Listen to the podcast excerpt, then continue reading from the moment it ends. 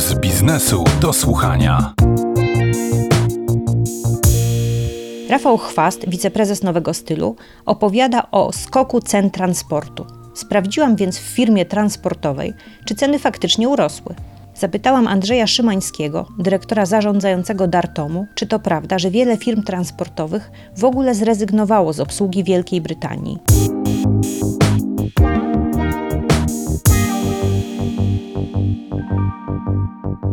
No tak, to jest taki problem, który teraz wystąpił po już tym faktycznym Brexicie na początku roku, gdzie napotykamy wiele problemów z odprawami celnymi.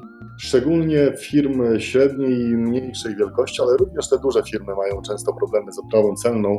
No jest to dla wszystkich coś nowego, to znaczy te odprawy celne same w sobie nie są niczym nowym, ponieważ one występowały jeszcze nie tak dawno w Polsce, przynajmniej ja je bardzo dobrze pamiętam, ale no Wielka Brytania od dawna już była częścią wspólnego rynku i nie było tam żadnych odpraw, dlatego to, co nastąpiło na przełomie roku 2020-2021 jest czymś nowym dla każdego i tak naprawdę ten system celny jest od nowa wprowadzany dla całej Unii Europejskiej.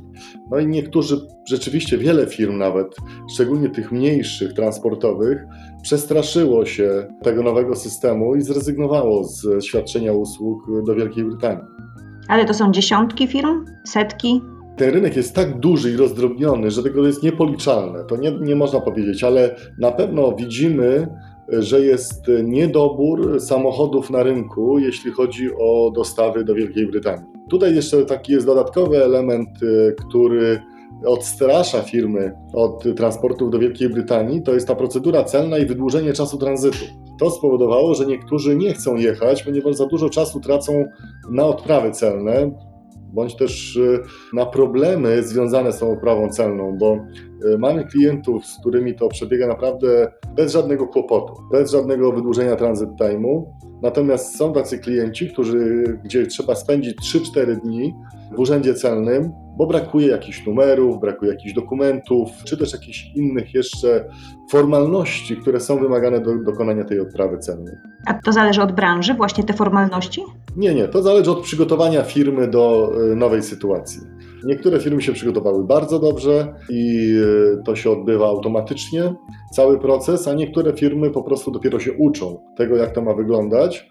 No i to jest dalej e, jeszcze, jeśli chodzi o ładunki powrotne z Wielkiej Brytanii, gdzie już e, wiele firm w ogóle nie podejmuje tych ładunków. Między innymi moja firma w zasadzie zrezygnowała z podejmowania ładunków z Wielkiej Brytanii, bo stawka jest tak niska, że nie opłaca się spędzić tego dodatkowego dnia lub dwóch na odprawę celną po to tylko, żeby zjechać na ląd. No to w związku z tym pewnie te usługi transportu do Wielkiej Brytanii i z Wielkiej Brytanii podrożały.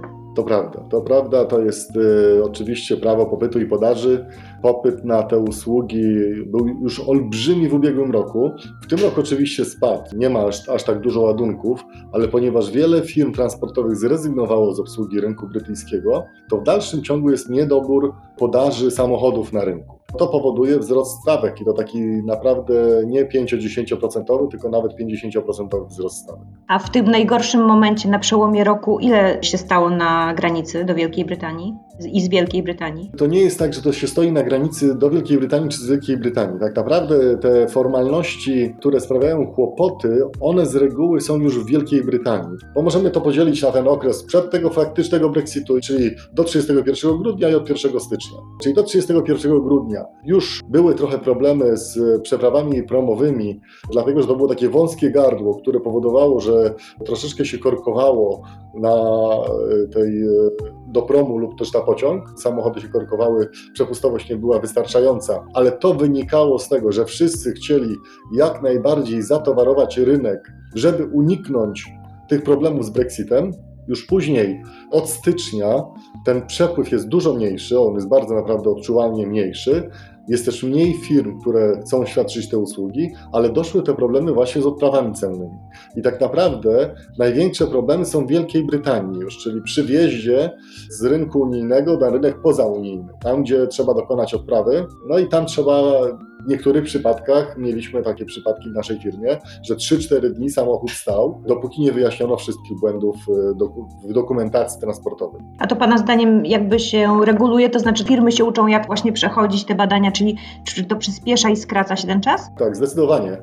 Można powiedzieć pierwsze koty za płoty, że firmy no, nie mogły się też dokładnie przygotować wszystkie, nie wszystkie miały dostęp do informacji. Przecież y, ostateczne zapisy były wprowadzane na sam koniec grudnia, wobec tego nikt nie wiedział dokładnie jak będą wyglądały transporty i wszystkie procedury 1 stycznia. Dlatego nie wszyscy się mogli przygotować i różnym firmom brakowały różnych numerów.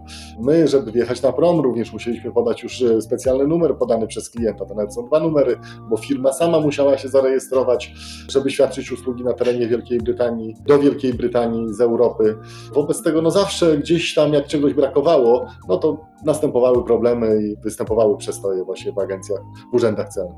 A nie myśli Pan, że teraz w kwietniu i w lipcu znowu będą takie przestoje, bo wchodzą takie nowe wymogi, pełne deklaracje VAT-owskie, deklaracje fitosanitarne? Zgadza się. No to jest też e, kolejny element, który budzi obawy, dlatego że no w tej chwili mamy tak troszeczkę tą prostszą procedurę odprawy celnej, żeby płynnie przejść do, do takich pełnych już odpraw do pełnych procedur, o których Pani wspomniała. No mamy obawy z tym oczywiście, ponieważ e, no nie wiemy, jak do tego podejdą urzędnicy, bo to jest najważniejsze, czy będą bardzo skrupulatni i będą wymagali dopełnienia super wszystkich formalności, czy też no, będą podchodzili troszeczkę tak z, ze zrozumieniem do tego, że jest to coś nowego i że można jeszcze naprawić błędy, które, które gdzieś tam po drodze popełniono. A chciałabym Pana zapytać o takie jakby spojrzenie szerokie na y, właśnie branżę trans- transportową. Czy nasze firmy na Brexicie zyskają czy stracą? Generalnie wydaje mi się, że trzeba chyba szerzej podejść do tego rynku, bo sam Brexit y,